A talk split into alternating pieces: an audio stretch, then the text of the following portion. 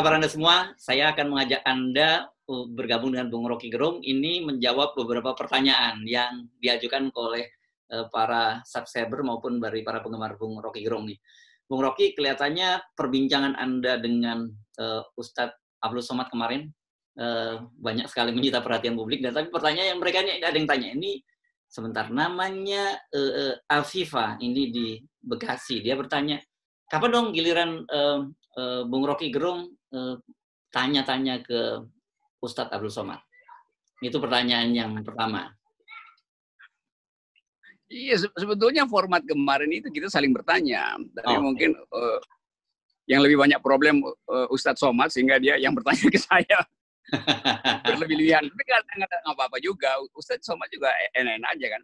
Ya, nah, ya. saya sebetulnya hanya ingin menghibur publik karena kan udah lama tuh orang minta dan akhirnya oke okay, kita atur dengan uh, Ustadz Somad timnya hubungi saya, saya bilang oke. Okay.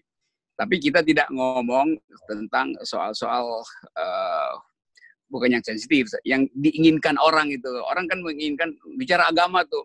Nah Ustadz Somad kan figur publik bukan cuma agama yang dia pahami. Jadi saya hmm. berupaya untuk membawa pembicaraan itu pada soal yang bisa diterima oleh semua orang. Diterima artinya uh, tidak eksklusif soal agama tuh. Tentu Ustadz Somad punya keahlian yang luar biasa dalam soal uh, teologi itu.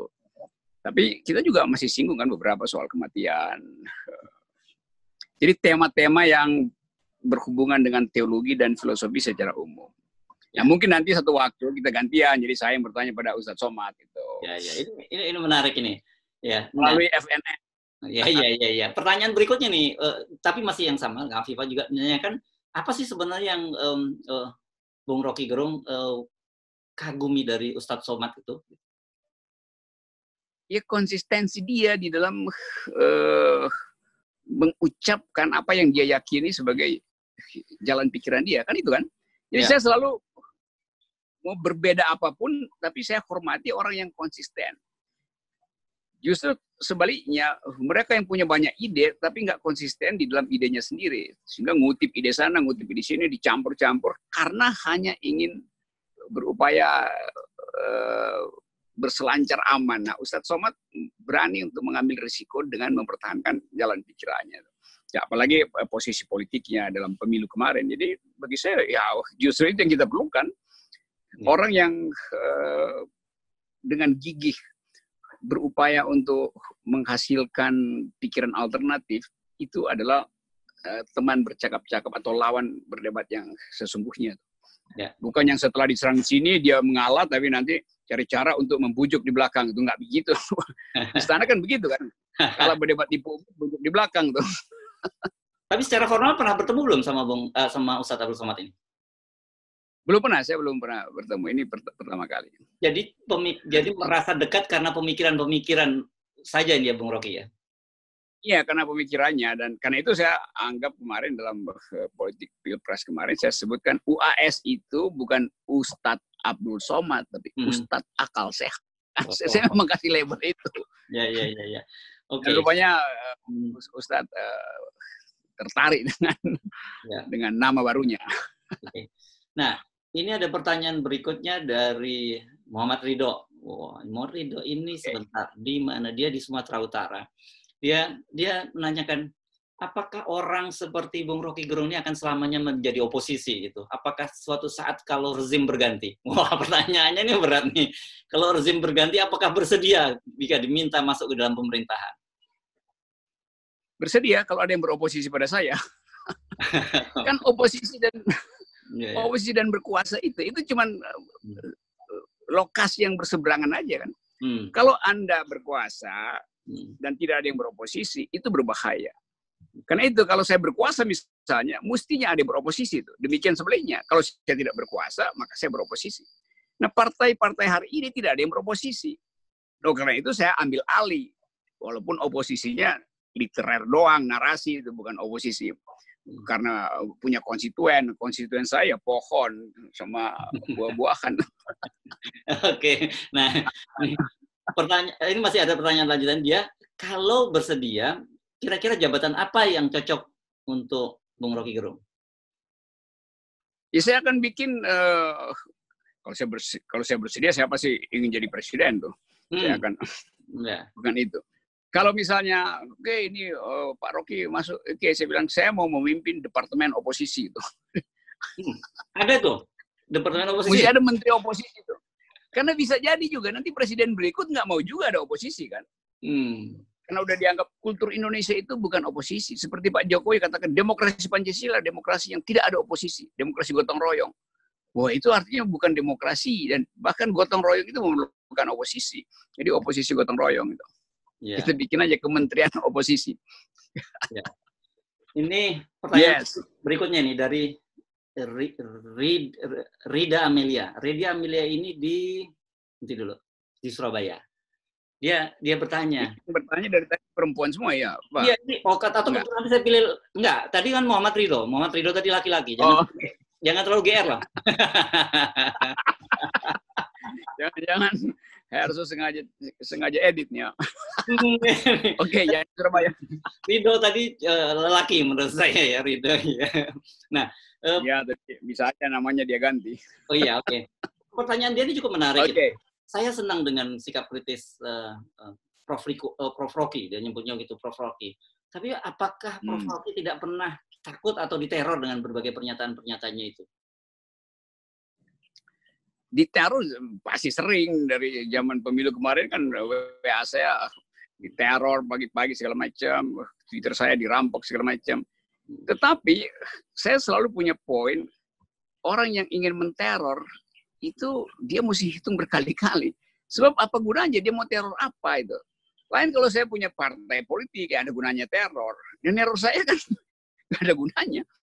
Jadi saya anggap bahwa itu ancaman yang biasa doang itu saya nggak percaya bahwa ada toko yang kemudian kirim orang untuk menganiaya segala macam. Buat apa itu? Nggak ada poin juga, nggak dapat apa-apa.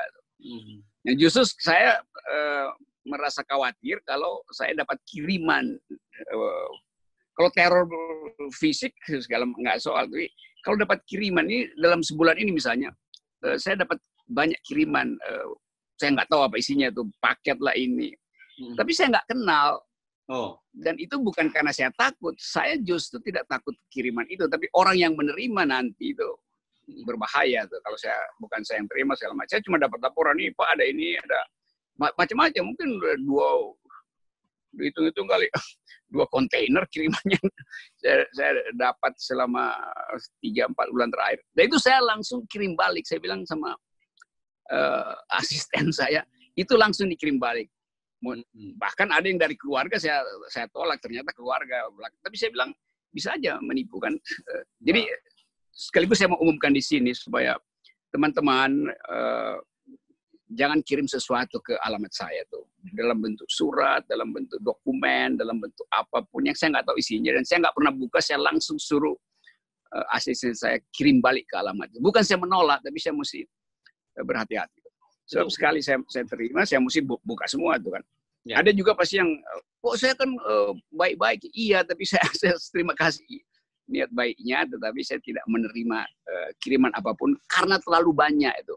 Dan itu uh, membuat rumit manajemen hidup saya. Jadi sekali lagi banyak. Itu oke. Okay. Tapi saya itu terima kasih dapat. Ya. Menolak itu nggak kenal gender nih ya. Laki perempuan ada tolak semua ya saya nggak tahu kadang-kala ada yang menipu gendernya kan supaya dapat perhatian. Jadi yeah. demi itu saya tolak. Jadi keluarga pun atau teman dekat pun saya nggak pernah lihat lagi siapa ya saya cuma pesan kalau ada uh, titipan ada uh, barang kiriman langsung dikembalikan aja kecuali yang udah telepon duluan tuh jadi saya tahu siapa tuh. Ini buat uh, keamanan bukan keamanan saya ini keamanan uh, tetangga keamanan uh, lingkungan di sekitar saya termasuk juga uh, namanya kan beredar terus bahwa saya seolah-olah ada akun Twitter baru, ada akun uh, Facebook, ya. segala macam. Saya nggak punya itu, jadi banyak orang yang masih merasa saya bikin sesuatu. Kalau ada akun baru, saya pasti umumkan melalui FNN channel. Ya, ya. Karena orang ada juga yang fans clubnya Rocky gitu kan, namanya fans club ya berarti bukan iya, Rocky ya, ada ya. Bukan saya tuh. Orang selalu anggap saya yang bina. Saya nggak pernah bina orang. Membina diri sendiri malas. Nggak pernah ya. Iya. Enggak lah. Oke. Nah, ini cowok nih. Supaya nggak diomongin buat cewek. Namanya Dimas Aditya nih dari Makassar nih. Ini kelihatannya hmm. mewakili Indonesia Timur nih. Uh, Pak Rocky, orang kalau sistem politiknya seperti sekarang, wah ini serius ini. Orang Indonesia Timur seperti kita ini, wah artinya seperti Pak Riko dan saya, eh Pak Rocky dan saya, ini nggak pernah akan jadi presiden dong, karena suara pemilih itu terbesar itu di Jawa Tengah dan Jawa Timur. Jadi sebenarnya ketika orang menguasai wilayah Jawa Timur dan eh, Jawa Tengah itu relatif dia eh, 60% sudah jadi presiden nih. Ini usulan bagaimana dengan sistem politik kita ini? Nah itu itu uh, asumsi yang keliru itu, saudara Ri. Siapa namanya? Risi, Risi ya. Dimas ya. Saudara Dimas itu nggak begitu. Kita terhalang bukan karena distribusi geografi. Itu distribusi geografi nggak bisa dirubah itu. Hmm. Kita terhalang karena threshold itu masalahnya. Hmm. Jadi kalau threshold dibuka, ya orang dengan sendirinya bisa cari alternatif Indonesia Timur, Indonesia Tenggara, Indonesia Barat Daya. Kan soalnya partai-partai besar itu pasang threshold sehingga mereka yang potensial tidak bisa dimunculkan sehingga publik tidak punya pilihan tuh. Jadi baik orang uh, Indonesia bagian barat atau Jawa umumnya kalau thresholdnya dibuka ya orang Jawa bisa melihat siapa yang bermutu. Bisa juga bukan dari Jawa uh, apa namanya calonnya dari luar daerah juga bisa kan. Jadi kita mau uji nanti apakah demokrasi kita masih bisa disebut demokratis kalau pemilunya pakai threshold, pakai ambang batas. Ini seolah hanya partai yang punya dalam pemilu sebelumnya dapat 25 persen pemilih atau 20 persen anggota DPR yang boleh mencalonkan presiden. Padahal Undang-Undang Dasar bilang presiden terpilih itu disebut terpilih bila dipilih oleh 51 persen penduduk Indonesia atau 50 plus 1, bukan karena diusulkan berdasarkan threshold. Jadi threshold itu ada di dalam Undang-Undang Dasar yaitu 50 plus 1 persen, maka dia terpilih. Hmm. Kan itu soalnya tuh. Jadi uh, dari Indonesia Timur tentu orang-orang yang bermutu dari Makassar, dari Palopo, Gorontalo, Manado, Ambon, Papua harus juga bersama-sama menuntut agar supaya threshold itu dihilangkan supaya potensi mereka dimungkinkan untuk bertanding dengan mereka yang ada di Jawa kan itu itu aja hmm. soalnya tuh. Oke. Jadi nggak perlu khawatir untuk orang Indonesia Timur. Nah ini saya pilih lagi.